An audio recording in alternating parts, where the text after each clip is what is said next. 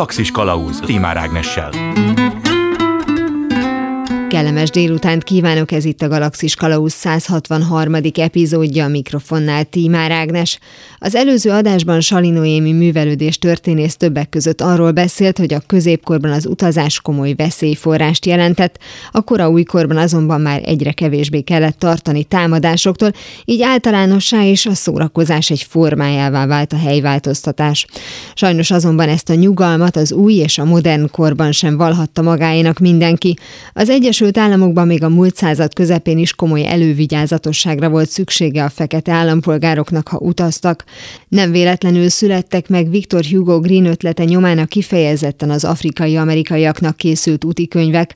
Ezek a kiadványok tartalmazták, hogy a déli államokban milyen úton érdemes közlekedniük, hol tudnak biztonsággal megszállni vagy étkezni.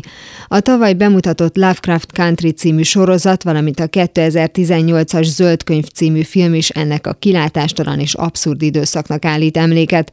Mai első beszélgetésünkben arról lesz szó, hogy a polgárháború és a polgárjogi mozgalmak közötti száz évben hogyan változott az afrikai-amerikai emberek helyzete. Első megálló a vonalban Magyarics Tamás, az ELTE egyetemi tanára, történész Amerika szakértő van velem. Jó napot kívánok! Jó napot kívánok! Azt gondolom, hogy egészen a rabszolgaság eltörléséig érdemes visszamennünk, hiszen ahogy a tények is mutatják, hogy bár az megtörtént, talán pusztán csak törvényi változást jelentett, hiszen ugye a fekete polgárokat továbbra sem tekintették egyenlő értékű embereknek. Ez gondolom eltérő mértékű volt az Egyesült Államok különböző országaiban. Kezdjük akkor itt, tehát hogy a döntés után a polgárháborúból ocsudó államok melyike hogyan kezelte ezt a helyzetet? Korábban is gyakorlatilag úgy köztudottan két része szakadt az Egyesült ilyen szempontból. Az úgynevezett északi államok és hát északi, északnyugati, nyugati államok tiltották a rabszolgasságot a területükön, a déli államok megengedték. Alkotmányjogilag különben a rabszolgasság egy megengedett intézmény volt. 1865-ben a polgárháború után eltörölték a 13. alkotmánykiegészítésre a rabszolgasságot, utána még két alkotmánykiegészítés volt rövid időn belül a 60-as évek második felében. Egyrészt állampolgárnak ismerték el a korábbi rabszolgákat, másodszor pedig válaszoljogot adtak a férfiaknak, tehát ez is bizonyos megkötésekkel. A lényeg az, hogy az egész ügy szempontjából a döntő változás az 1896-ban következett be, amikor a legfelsőbb bíróság egy Louisianából eredő bíróságügy kapcsán kimondta azt a híres tételt, hogy abban az esetben, hogyha egyenlő bánásmódba egyenlő feltételeket biztosítanak a különböző fajoknak, akkor azok szervigálhatók egymástól. Ugyanúgy, ahogy korábban ez egy úgymond lehetőség volt, továbbra sem szegregálták a feketéket az északi államokba, a nyugati államokba. Ezzel a joggal, amit a legfelsőbb bíróság adott, a korábbi konfederációs államok éltek, és az ő területükön vezették be a különböző szegregációs intézkedéseket. De erre tényleg 30 évvel a polgárháború után miért kerülhetett sor? Egyszerűen a déli államoknak csípte a szemét az, hogy a fekete polgártársuk is beállhat melléjük a sorba szavazni? Igen, a déli államoknál tulajdonképpen abban a pillanatban, hogy elvesztették a háborút, egyrészt bevezettek egy katonai rendszert, amit 1877-ben szüntettek meg, és az egyes államok az amerikai nagyon speciális föderációs vagy föderatív rendszer alapján elfogadtattak olyan törvényeket, amelyek diszkrimináltak a feketékkel szemben, ha bár így ezt sok helyen nem mondták ki, tehát több helyen bevezettek olyan intézkedéseket, hogy akit úgymond munkakevésen kaptak, az be lehetett börtönözni. Általában a bíróságok a feketék ellen ítéltek, abban az esetben, hogyha a feketék és fehérek között akad bármifajta peres ügy, a fehér rendőrök, vagy pedig különböző úgymond a törvényt betartató hatóságok a feketékkel szemben sokkal szigorúbban léptek föl. 1867-ben Tennessee megszületett a Ku Klux Klan, de ez volt egy, egyetlen egy olyan fejfelsőbb szegénységet hirdető szervezet, amelyik a feketéket megpróbálta alacsony sorba tartani.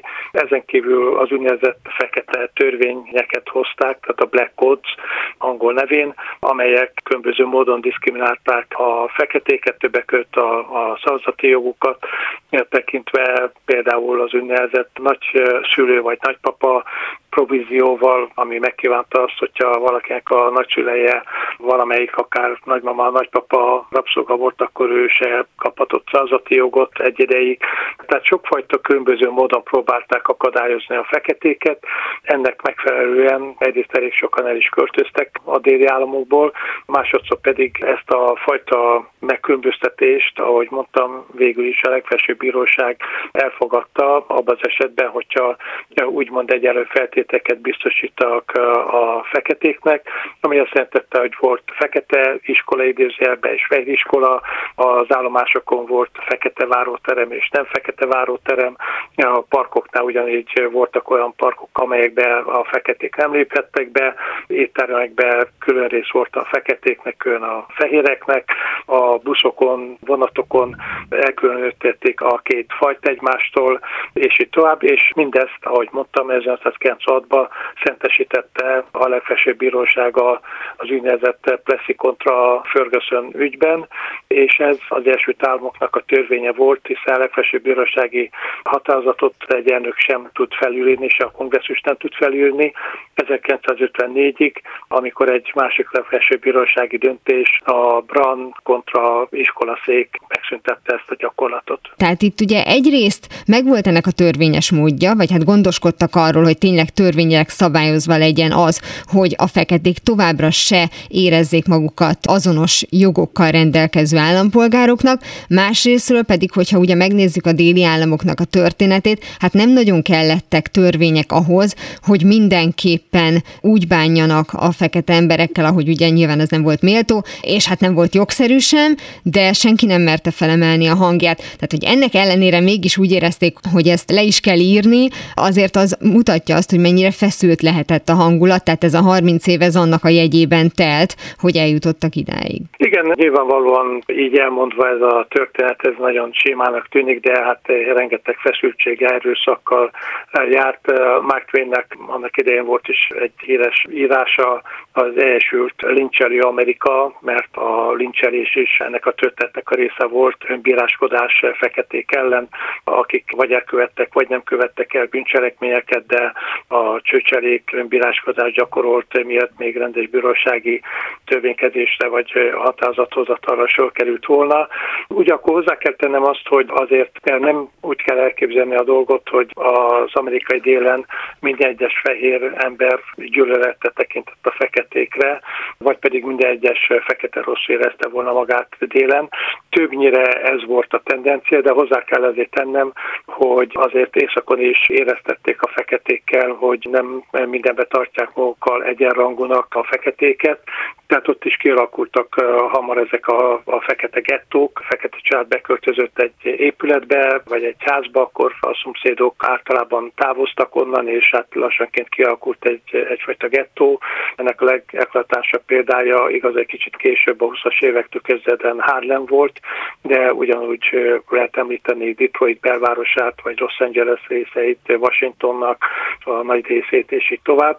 Tehát nagyon sok feszültség halmozódott föl, és nyilvánvaló, hogy törvényileg nem nagyon lehet ezeket egy csapásra meg szüntetni.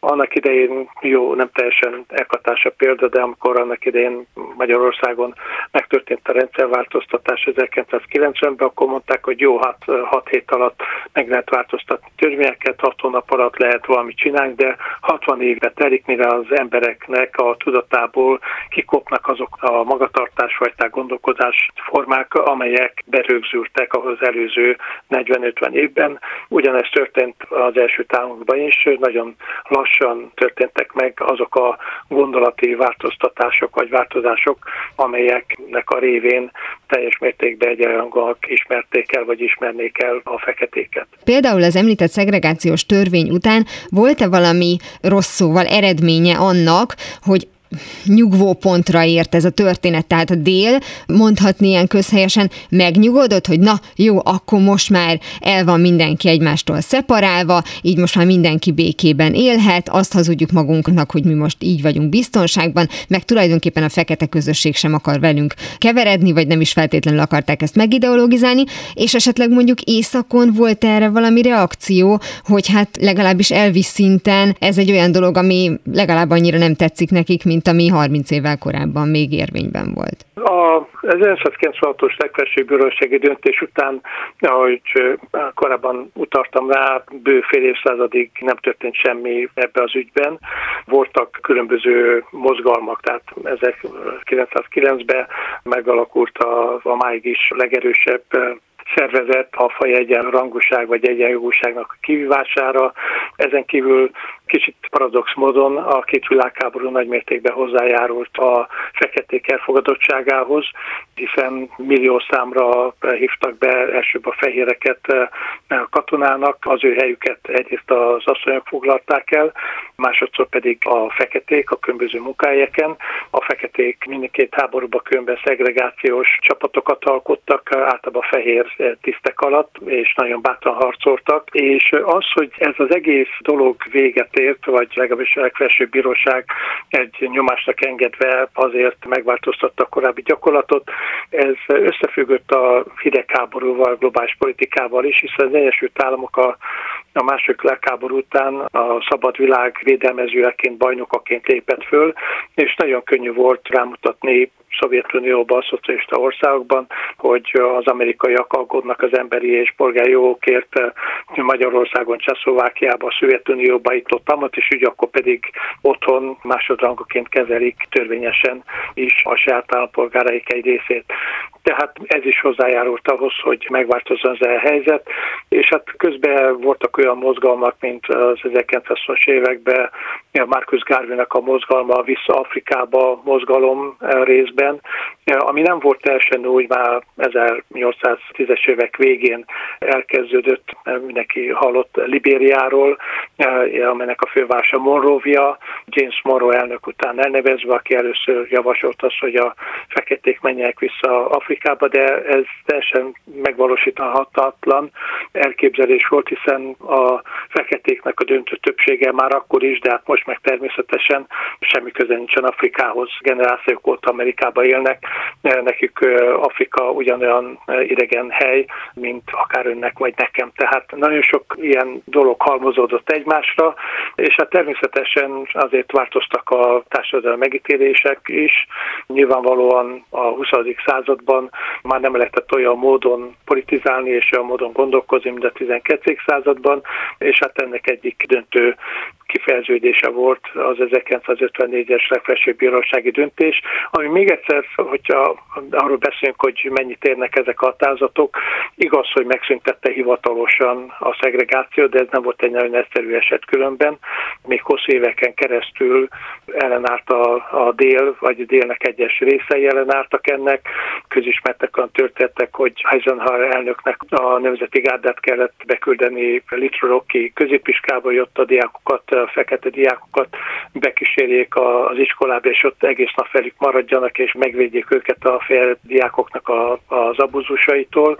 1957-ben, de 60-as években is polgári mozgalomnak a csúcsán történtek atrocitások, ahol polgári aktivistákat törtek meg. Tehát ez a történet nem ért véget, jogilag lezárult elvileg, 60-as években törvényeket hoztak a polgárjogokról, választási jogról, és így tovább, de hát ezek még mindig azért egyes elken élnek, nem lehet azt mondani, hogy ez egy abszolút lezárt történet lenne. Természetesen az 50-es években megindult ez a, a híres Martin Luther King féle mozgalom, a békés tüntetés, és mindössze a törvényben rögzített jogoknak a, a, az elfogadtatása, de az igazság az, hogy szinte ezzel egy időben megindult a feketék között egy sokkal radikálisabb mozgalom, a szép a fekete, és a, a egyfajta pázamos társadalmat akartak képíteni, a fekete hatalom, a Black Panthers, a fekete pártucoknak a mozgalma, Malcolm x a mozgalma,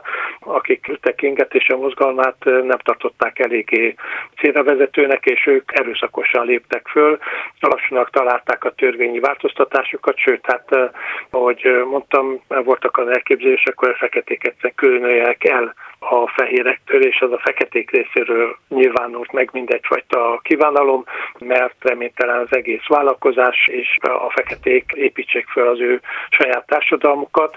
Nyilvánvaló nem így történt végül, de a polgári mozgalomnak rengeteg olyan ága volt, amelyik egymással szemben is küzdött, illetve egymással szemben is állt, és ezzel azért elég jelentős mértékben sokszor gyengítette a fekete polgári mozgalomnak a hatóerejét, illetve az elfogadottságát a társadalommal egészét tekintve. És hát gondolom a, a fekete lakosságnak a nagyobbik része az pont azért, mert ugye ez egy szervezetlen közösség volt, tehát azért, mert valaki fekete volt, attól még nem tartozott egy körhöz. Gondolom arra törekedett, hogy békés legyen az élete. Tehát, hogyha mondjuk például azt határozzák meg, hogy hogyan és hol ehet, utazhat, akkor megpróbálja magát ahhoz tartani, tudja, hogy inkább le kell sütni a szemét, és tudja, hogy ez nincs így rendben, de azt gondolja, hogy neki is egy élete van. Próbálok gondolkozni nyilván az akkori elképzelések szerint, vagy hogy hogyan élhették ezt meg a, a fekete lakosok, és ennek kapcsán szeretném még ugye az utazásra egy picit átterelni a szót. Ez a bizonyos zöld könyv, ami nem tudom, hogy jó fordítása, hiszen ugye Green nevű emberről kapta ez a könyv a nevét,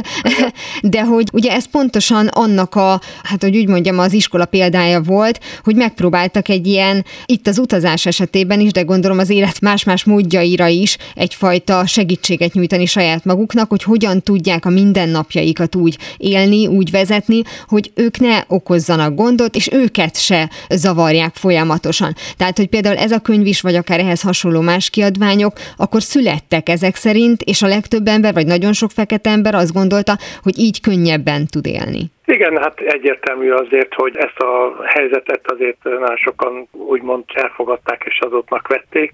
Egyértelmű az is, hogy ez ezért nagyon sok embernek az önérzetét sértette, de hozzá kell tennem azt, hogy főleg azok, akik valamifajta karriert tudtak befutni, azok nem voltak teljes mértékben meggyőződve arról, hogy a radikális mozgalmak egyfajta megoldást jelentenek. Gyakorlatilag, hogyha 1900-as évekről beszélünk, tehát a 20. század első feléről, akkor két alapvető elképzelés volt. Az egyik a Booker. Washingtonnak az elképzelése, aki úgy gondolta, hogy a, a feketék tanuljanak különböző szakmákat, boldoguljanak a saját szakmákba, és így fokozatosan úgymond bizonyítsák be, hogy ők ugyanolyan értékes tagjai a társadalomnak, mint bárki más. És a másik elképzelés pedig W.B. Du Boisnak az elképzelése volt. Neki egy úgynevezett tanult 10%-ról beszélt, hogy a feketék termeljenek ki magukból egy olyan elitet, amely később képes lesz a vezetésre, és hát nyilvánvalóan végső értelemben a teljes jogú egyensúly jogúság kivívására. Du Bois könyvben élete végén elkötözött Afrikába, tehát ő nem látta megvalósítatónak az eredeti szándékát, és még hozzátenném azt, hogy az egész történetben fontos szerepet játszott az egyház a baptista egyház, Luther King is baptista lelkész volt, és az ő által létrehozott szervezet a déli baptistáknak a szervezete volt, és az egyház nagyon-nagyon fontos szerepet játszott abban, hogy a, a feketékbe föntartsa a büszkeséget, a közösséget, az együvétartozást, az elköcsi tartást, és így tovább. Tehát ennek nagyon erős vallási háttere is volt. Most is, hogyha megnézzük, akkor nagyon erős fekete vallási közösségek vannak, amelyek erősítik a feketékbe azt a az érzést, hogy végül is egy vallásba a baptista, katolikus, bármilyen vallásnál mindenki egyenlő, és ott ezt a is lehet transponálni. Ahogy ugye mondta korábban, ez nem egy lezárult történet, már csak azért is, mert a korábbi tapasztalatok is azt mutatják, hogy azért, mert törvény van valamire, az nem feltétlenül jelenti azt, hogy az emberek a megfelelő módon is bánnak egymással, és nem arra szeretném kérni, hogy itt bármiféle jóslásokba bocsátkozzon, de hát ugye ma is azt látjuk, hogy egyfajta folyamat folyamatos hullámzás van, hogy vagy kompenzálunk, túlkompenzálunk, a polgárjogi mozgalmak idején már az a, inkább az agresszióba csapott ez a fajta kétségbeesésnek az érzése, ma pedig ugye azt látjuk, hogy még akár kulturális szinten is, hogyha nem arányosak a, a megjelenések filmekben például, hogy egy ilyen nagyon populáris példát mondjak, de az élet minden területén, akkor belép újra ez a kvótarendszer, hogy ehhez akkor újra 50-60 év kell, vagy valóban soha nem fog ez, ez véget érni? Hát valóban, ahogy mondta, nem nagyon jövendőjek. Egy híres baseball játékos mondta annak ideje, hogy nagyon nehéz jövendőlni, főleg ami a jövőt illeti. Tehát nagyon nehéz megmondani, hogy mi lesz ennek a kifutása. Az biztos, hogy a kvótarendszer, amit most a Biden kormányzat támogat, lehetséges, hogy bizonyos változásokat hoz, viszont hát láttuk azt más országokban, hogy ezek a messzességesen fejlesztott kvóták, ezek nem mindig vezetnek azért minden esetben pozitív kimenetelhez.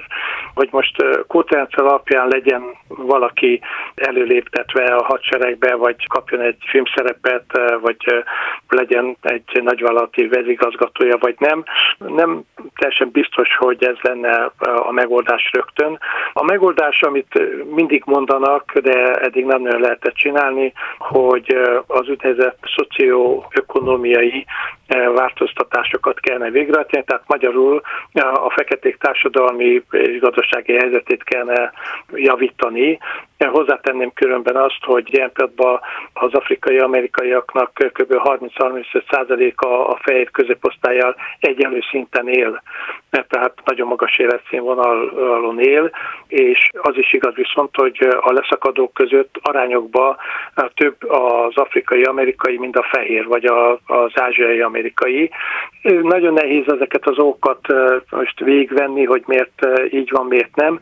Az igazság az, hogy óriási pénzeket próbáltak már a 60-as évektől ebbe az egész társadalmi mérnökösködésbe fektetni, hiszen akkortól létezik az úgynevezett pozitív diszkrimináció, ami a fai nemi egyéb kisebbségeknek kedvezményes főiskolai egyetemi felvételt tesz lehetővé munkájánken az elhelyezkedést, és így tovább. Voltak eredmények, de azért az elmúlt 50 év, amióta ez a rendszer működik, azért nem hozott teljes mértékben áttörést. Valószínű, hogy ez egy hosszabb folyamat lesz, és lehetséges, hogyha most 50 év múlva fogunk beszélni, vagy 100 év múlva, akkor ezek a dolgok már megtörténtek, és egy abszolút integrált és asszimilált társadalomról beszélünk. Viszont azt is lehet látni, hogy azért a széttartó tendenciák megvannak az első támoknak a társadalmába, és ezek a különböző identitáspolitikák adott esetben a társadalomnak a, a széthullásához vezethetnek. Tehát elképzelhető, sőt biztos, hogy nem volt teljes mértékben mindig igaz az, hogy most július 4-e ott minden szép és jó lett a függetlenségi nyilatkozattal, és nem biztos, hogy azok a mítoszok mindig azok voltak Washingtonra és Lincolnról és mindenkiről. Viszont, hogyha ezeket kilugozzák a társadalomból, akkor nem nagyon lesz olyan közös alap, amin a társadalom különböző csoportjai egyesülni tudnának. Hogyha most a feketéket nézzük, akkor ők már nem július 4-ét akarják ünnepelni, mert ugye úgy gondolják, hogy azon nincs mit ünnepelni, hanem ugye az úgynevezett Juneteenth, a június 19-e, amikor párt állítólagosan az első fekete rabszolgát 1919-ben behozták, vagy bevitték Virginiába, egy olyan projektet finanszírozott, és a New York Times, ami az 1919-es projekt, ami föl akarja váltani az eddigi amerikai történelmi narratívát egy új narratívával, és gyakorlatilag azt akarja sűjkön az emberekbe, hogy ami eddig történt, az kizárólag rasszizmus, elnyomás, nyomor és minden egyéb volt, és egyetlen egy demokratikus elem az első támok történetében azok a feketék voltak. Tehát hihetetlen szélsőségek vannak, ami, ahogy mondtam korábban, a társadalomnak az egységét feszegeti, és hát nem biztos, hogy ez Egyesült Államok társadalma mennyire megosztott lesz, és az alapvető kérdésekben tudnak megegyezni, az többek között a világnak is jó lesz, hogyha már korábban beszéltem a világról és a világpolitika hatására a polgári mozgalomba, itt esetleg egy negatív hatás lehet majd, de hát ez megint csak spekuláció. Hát éppen a múlt is egy rejtély, nem hogy a jövő. Minden esetre Magyarics Tamás történésznek, az ELTE oktatójának, Amerika szakértőnek nagyon szépen köszönöm, hogy mindezeket elmondta. Nagyon szívesen. 42. Mihez is tudjátok, hogy mi a kérdés, érteni fogjátok a választ is. Hamarosan folytatódik a Galaxis Kalausz, tovább utazunk. Először a főváros rejtett kulturális értékeit keressük meg, majd egy különleges gyűjteményt mutatunk be. Galaxis Kalauz ez itt továbbra is a Galaxis Kalauzén Tímár Ágnes vagyok. Az előző fél órában a múlt század közepén az afrikai-amerikaiak számára kiadott úti könyvről, a Green Bookról is szó esett. A folytatásban először kulturális idegenvezetésről beszélgetünk, amely ugyan nem létszükségletű, de segítségével a főváros olyan rejtett oldalait ismerhetjük meg, amelyek eddig is a szemünk előtt voltak, csak nem tudtuk hova kell nézni. Második megálló a vonalban Lénárd Anna képzőművész városi sétavezető. Szia! Szia, köszöntöm a hallgatókat! Most arra már ugye nagyon sok olyan cég működik, amelyik különböző városi sétákat szervez mindenféle tematikában, de azért a tiétek az az elsők között volt. Amikor ez elindult, mi volt a cél? Tehát miért gondoltátok azt, hogy az ember itthon van, és itthon is körülnézhetne? Egy-két héttel ezelőtt lettünk éppen tíz évesek, és tíz évvel ezelőtt, 2011. november 19-én a Szellemek a Svábhegyen című sétával indultam, akkor még egyedül, ez akkor még egy kis művészeti projekt volt, nem is gondoltam, hogy tíz év múlva is sétákat fogok tartani. Mm. Akkoriban nagyon levegőben volt a feldolgozatlan politikai múltja Budapestnek, és ez a séta elvitt a holokauszt helyszíneire, az államszocialista időszaknak néhány fontos és kevéssé ismert helyszínére a budai hegyekbe. Az akkor az aktualitásokra reagált. Hogyha mondjuk most megnézzük a repertoárotokat, egészen változatos abból a szempontból, hogy akár kultúrtörténeti, művészettörténeti témájúak vannak, de egészen popkulturális alapúak is megtalálhatóak, hogy hogyan alakult ez így át, tehát hogy láttátok, vagy kaptátok az egyértelmű visszajelzéseket, hogy tulajdonképpen mit szeretnének látni, illetve miről szeretnének hallani azok, akik veletek sétálnak? A Szellemek a Svábhegyen tíz év után is fut, de most már van mellette 40 másik séta is, és ahogy mondod, a legkülönbözőbb témákban, műfajban, van, ami fiataloknak szól, van, ami családosoknak, művészi jellegű, de van sok szórakoztató, és ahogy mondod, popkultúra felé hajló sétánk is ugyanis egyre többen jönnek, most már nem csak fővárosból, hanem vidékről, fiatalok, idősek, és mindenki más igényekkel jelentkezik. Jobban érdekli mondjuk az embereket az, ami például mondjuk egy régen futott sorozathoz kapcsolódik, és annak a, a helyeit megmutatja, vagy azért a, a művészet, ment a klasszikus művészet, az, az még mindig viszi a prímet, és nagyon szeretik látni az emberek, hogy egy háznak a homlokzata az miért úgy alakult ki, és milyen története van teljesen érzékelhetően a különböző sétákra más jellegű közönség érkezik. A fiataloknak, egyébként iskoláskorúaknak egy másik sétacsoportot is szoktunk ajánlani. Kifejezetten felső tagozatosok és középiskolások számára állítunk össze olyan sétákat, amik kötelező olvasmányokat dolgoznak fel, valami módon kapcsolódnak az érettségi tételhez, Például a Petőfi egy napja című sétánk március 15-ét, ennek a történetét meséli el 1848-ban, és ezekre a sétákra nagyon gyakran az iskolák küldik el az osztályaikat, osztálykirándulás vagy tanóra keretében, és az jövőre egy nagyon fontos programunká fog válni, hogy rávegyük az iskolákat arra, hogy ne csak a tanteremben a négy fal között oktassanak, hanem ugyanaz a tudnivaló sokkal érdekesebb és sokkal jobban rögzül is, hogyha az eredeti helyszíneken hallanak a diákok egyes történelmi eseményekről. Ez igaz egyébként szerinted az általános sétákra is? Tehát ez lehet a vonzó egy városi sétában, egy városi kincskeresésben, hogy ugyanezt elolvashatnám persze a neten is, de azon kívül, hogy egy kis testmozgás, még ráadásul szemben láthatóan, vagy akár kézzel foghatóan is tapinthatom a múltat. Feltétlenül én azt gondolom, hogy a 21. századi embernek erre nagy igénye van, vagy kell, hogy legyen rá igénye, ugyanis szinte minden információt áttételesen kapunk meg, és egyszerűen sokan szinte el is veszítik a kapcsolatukat a fizikai valósággal, a realitással, olyan értelemben, hogy a tudás az, ahogy mondod, az interneten létezik, a könyvtárak katalógusaiban, és az, hogy az, hogy az az adott történelmi esemény, például egy forradalom, az, az hogyan nézett ki a valóságban, Nehéz elképzelni. Visszatérek most a Petőfi egy napja című sétánkra, mert nekem is nagyon nagy élmény volt, hogy ugye egy ilyen heroizált történelmi esemény, a valóságban egy nagyon, nagyon is adhok történet volt, fiatalok fölébredtek reggel, elindultak, meg reggeliztek, majd lesz valami. A sétát összeállító történet kifejezetten panaszkodott, hogy össze-vissza sétáltak, ugye nem, nem tudták még, hogy, hogy mit fognak csinálni délben délután, és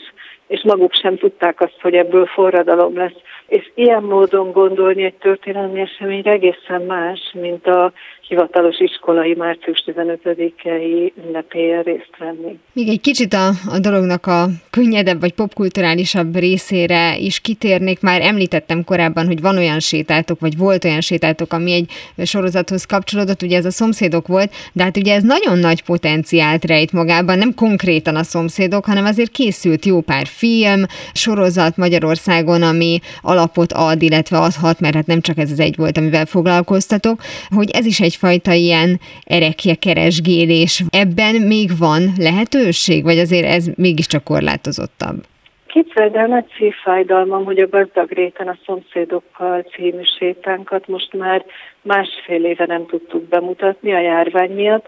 Ugye olyan helyszínekre megyünk, mint hát ugye a híres neves iskola, ahol Vágyási Jutka tanított, a tanterem, a tanári szoba, a templom, ugye ott gazdag réten. Ezek csupa zárt helyszínek. Az összes sétánkat át kellett alakítani úgy, hogy az utcán szabadtéren sétálunk, Szerencsére mi már a Covid előtt is fülbemondóval, tehát audioguide sétáltunk, de most kifejezetten átalakítottuk ugye sétáinkat, hogy nem megyünk zárt térbe, csak olyan helyre, ami biztonságos. A sétavezető is úgy tartja a sétát, hogy nem csoportokba verődünk, hanem tudjuk a távolságot tartani, egyik pontról a másikra önállóan sétálnak a vendégek. Úgyhogy emiatt átalakult a programunk, és a, sajnos várni kell a szomszédok, rajongóknak, hogy ezt a sétát újra műsorra tűzzük, de számos más ilyen programunk is van, amit említettél. És ez mennyire tud nem áthajlani a bulvárba, vagy, vagy gond-e az, hogyha egy kicsit úgy hozza közelebb az emberekhez a, az adott filmet, vagy a sorozatot, hogy egy kicsit a, mondjuk akár a színészekről is hallunk, tehát van-e esetleg egy ilyen része is? Ez nagyon jó kérdés, mert mi folyamatosan küzdködünk azzal, hogy a sétán komoly mondani valók is elhangozzanak, de szórakoztató is legyen. Szerencsére egy két-három órás sétában mindenki meg tudja kapni azt, amiért eljött. Például a szomszédok sorozat is olyan, hogy a nagy része könnyebb szórakozás. Felidézzük a sorozat egyes fontos momentumait, videón le is vetítjük az adott helyszínen. Ugye ez is nagyon érdekes, hogy hogy ott van a tévé, ott van a sorozat, és mégis látja a vendég, hogy például hol volt a muskátli presszó, sőt a végén ihat is egyet ugyanott. De a szomszédok sorozatnak is van nagyon komoly ö, szociológiai mondani valója, mert a sétánkon felidézzük a 80-as éveket, az államszocializmus ö, utolsó évtizedét, megjelenik egy lakótelep, ami akkoriban elit lakótelepnek számított, ugye Mihály Gorbacsov is meglátogatta, ez ma már történelmi esemény, úgyhogy bőven tudunk a, a komolyabb háttérről is beszélni egy ilyen séta alkalmával, és az mindjárt egy más szintre emeli az egész programot.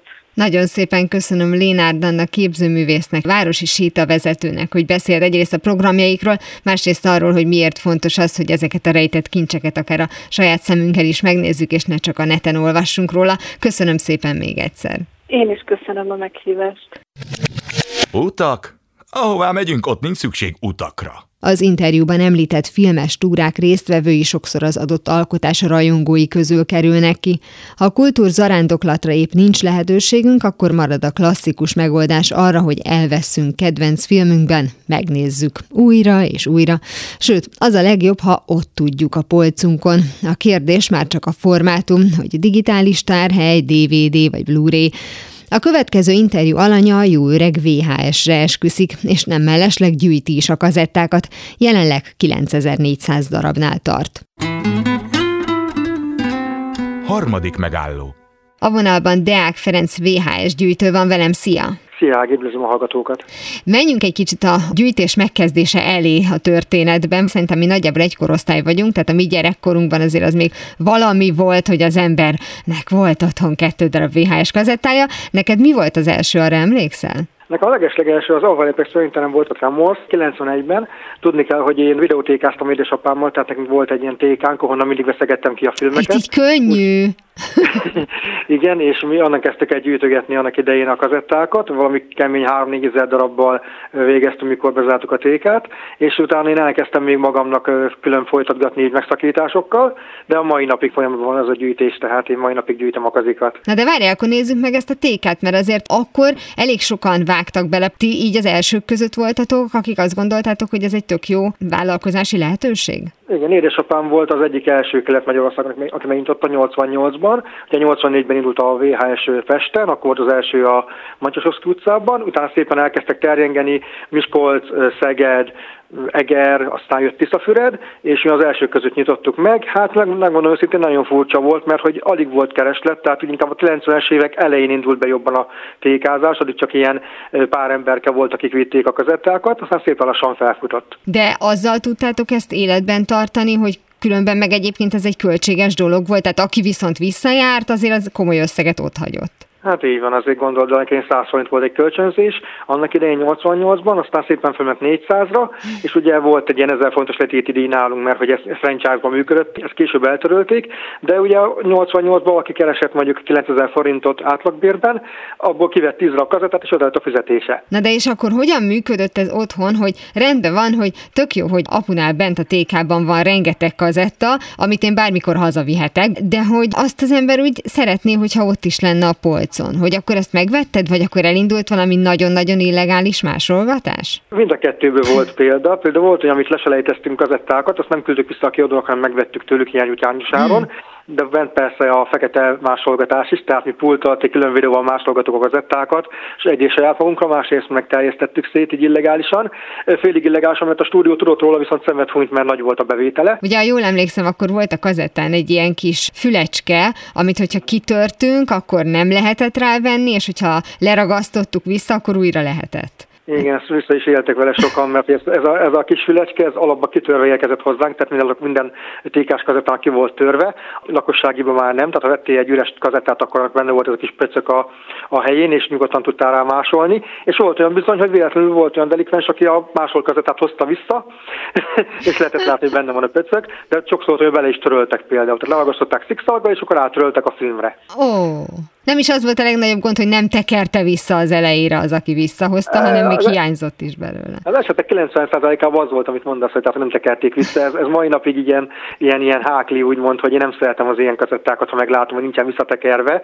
De többség az volt, ugye, hogy mások is kivitték azt a filmet, egy nap volt, mikor például az Észventúra 2-t, azt egy nap négyen is kivitték, és ha mondjuk valaki beletörölt, vagy bekapta a lejátszója a szalagot és nem szólt, ugye az nekünk véget utána az arcunk, hogy úgy kellett kiadni, hogy gyakorlatilag sérült volt a szalag, és nem az volt rajta, amit a illető látni akart. Hát és mivel, hogy mondott, hogy az első időben még nem volt akkora nagy a forgalom, azért viszonylag könnyen fülön lehetett csípni azt, hogy ki volt az, aki ezt elkövette. Az első időben nagyon ilyen műértő emberek jöttek, tehát ugye gyakorlatilag nem is volt olyan nagy választék, mint, mint annak idején később, tehát ilyen gyakorlatilag világháborús filmekért jöttek, akkor kötelező olvasmányokat vittek, egri csillagok, stb. ilyenek voltak, aztán amikor bejöttek szépen az akciófilmek, akkor már jobban mentek.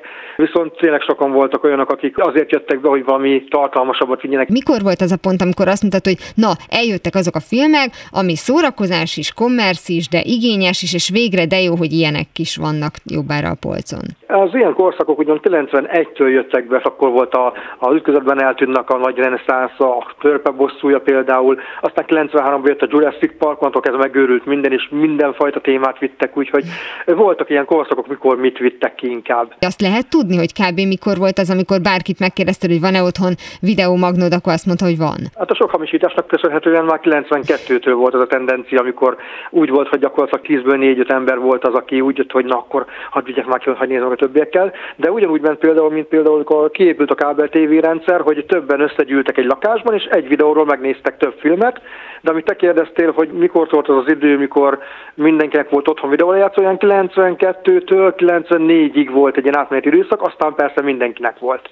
Tehát amikor bejött az észventúra például, az első része, azt, azt gyakorlatilag majdnem minden nap vitték ki hárman, négyen, és saját videóval rendelkeztek. De volt olyan például, behoztak a videót, hogy ott nézzék meg a TK-ba, mert hogy otthon nem bírták a gyerekek miatt, és ott nézték nálunk. Amikor a téket fel kellett számolni, akkor gondolom ezek a kazetták, ahogy korábban is ti olcsóban meg tudtátok venni, egy része biztosan hozzátok jutott, és ugye van az a régi vicc, hogy addig gyűjtöttem csak a bélyeget, amíg egyszer csak kaptam több kilónyi bélyeget, és már nem gyűjtöm a bélyeget, hogy neked nem volt egy ilyen érzésed, hogy elveszett az a, az a kincs, az az erekje jellege, hogy olyan, olyan jó dolog hozzájutni pár hetente egyhez, ami már tényleg az én VHS-em, mert egyszer csak ott állt dobozban egy csomó. Mi végignéztük szó szerint a VHS-nek a pusztulását, úgymond, tehát nekünk 2001-től már 2003-ig volt egy két-három éves időszak, mikor így tudtuk, hogy a VHS-nek vége lesz, tehát bespályázoltunk szépen a kazettákból.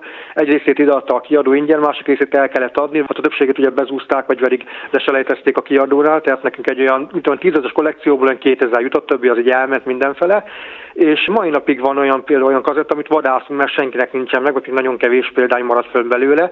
Ezek ugye nagyon jók. Én mikor megszerzek egy-két darab ilyen ritkább kazettát, akkor örülök, mint majom a farkának, de volt olyan például, hogy 1400-1700 darab kazettát szereztem meg egy volt bezárt tékától, és az is valami eufórikus élményt ad, mikor ott van egy halom kazetta, és annak a 90%-át láttad, de tudod, hogy a tiéd. Tehát én mai napig úgy tudok tekinteni egy használt Jurassic Parkra, mint mondjuk egy mostanában kijött Marvel filmre. Mi volt például ilyen ritka film, amire azt mondtad, hogy ha véletlenül eljutott hozzád, akkor nagyon örültél? Hát a Terminator 2-t vadáztam nagyon, nagyon sokáig, mert hogy abból jó, tehát jó minőségű például nagyon kevés maradt fönt, meg sikerült szerezni, akkor most egy ragyogást szerzek, ami 89-es, 88-as kiadású ragyogás, Stanley Kubrick film, ugye azt bezúzták annak idején, tehát nem nagyon maradt fönn példány. Abból vadászok egyet, illetve nekem az első kedvenc filmem, az ahol szerintem volt a Tremors, azt két éve szereztem meg, és gyakorlatilag gyerekkorom óta vadáztam rá.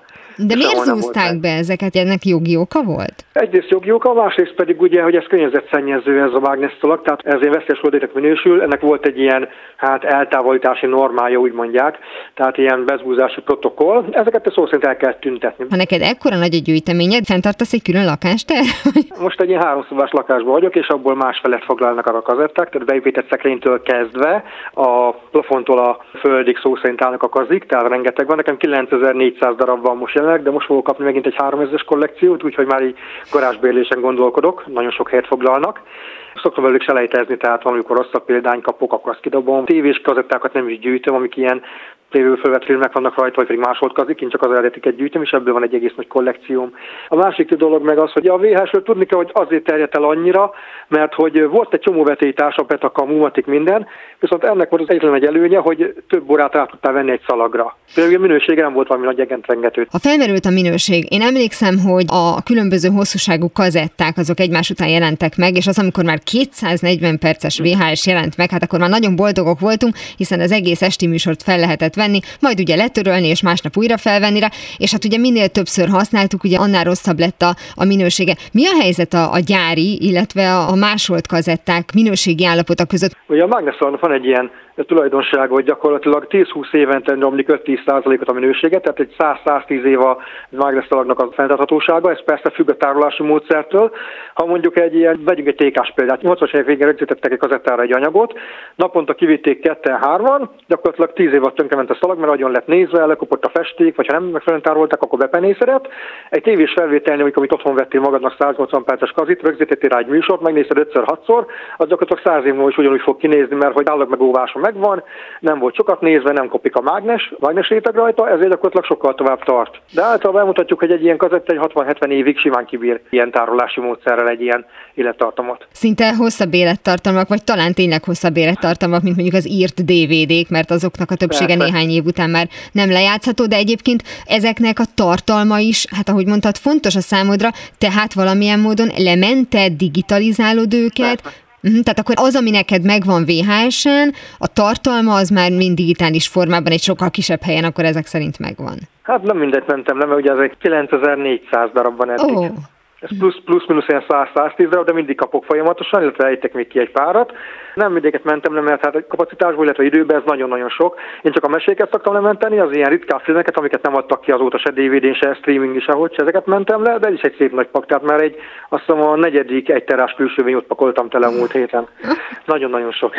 Te és ehhez gyűjtöd a videó lejátszót is, vagy van egy olyan megbízható videómagnód, amit bármeddig, bármikor használhatsz? Hát ugye típustól függ, mert a többség az 80-as, 90-es években készült, és hát a mechanikája az emléknek bírja ugyanúgy. Nekem 9 lejátszó van jelenleg, a 9-ből 4-et használok digitalizálásra, ez különböző változó típustól és minőségtől függ. Na ma már nem gyártanak, nem videomagnót? 16-ban szűnt meg a Funai az gyárat legutoljára, abból most kelt leszem mennyi? 840 ezer dollári egy utolsó példány, utolsó bontatlan példány, de hogy nem gyártanak már. Az is műemlék, de nem félsz, ebben nincs egy ilyen állandó félelem, hogy egyrészt a kazettát se fogod tudni már egy idő után lejátszani, meg nem lesz min lejátszani, vagy ezzel nem foglalkozol, mert ez azért a 110 év az elég megnyugtató. Hát most mondok erre egy példát, éppen tegnap voltam a égészségvásárban, és 300 forintért vettem egy videót, aminek semmi baja nincsen. Gyakorlatilag egy 20 éves videó, 20 év volt gyártva, és semmi baja nincsen, mindig lesz utánpótlás. Tehát én bízok abba, hogy mindig lesz olyan szépen tárolt videó, ami kb. 50-60 év múlva is szuperálni fog.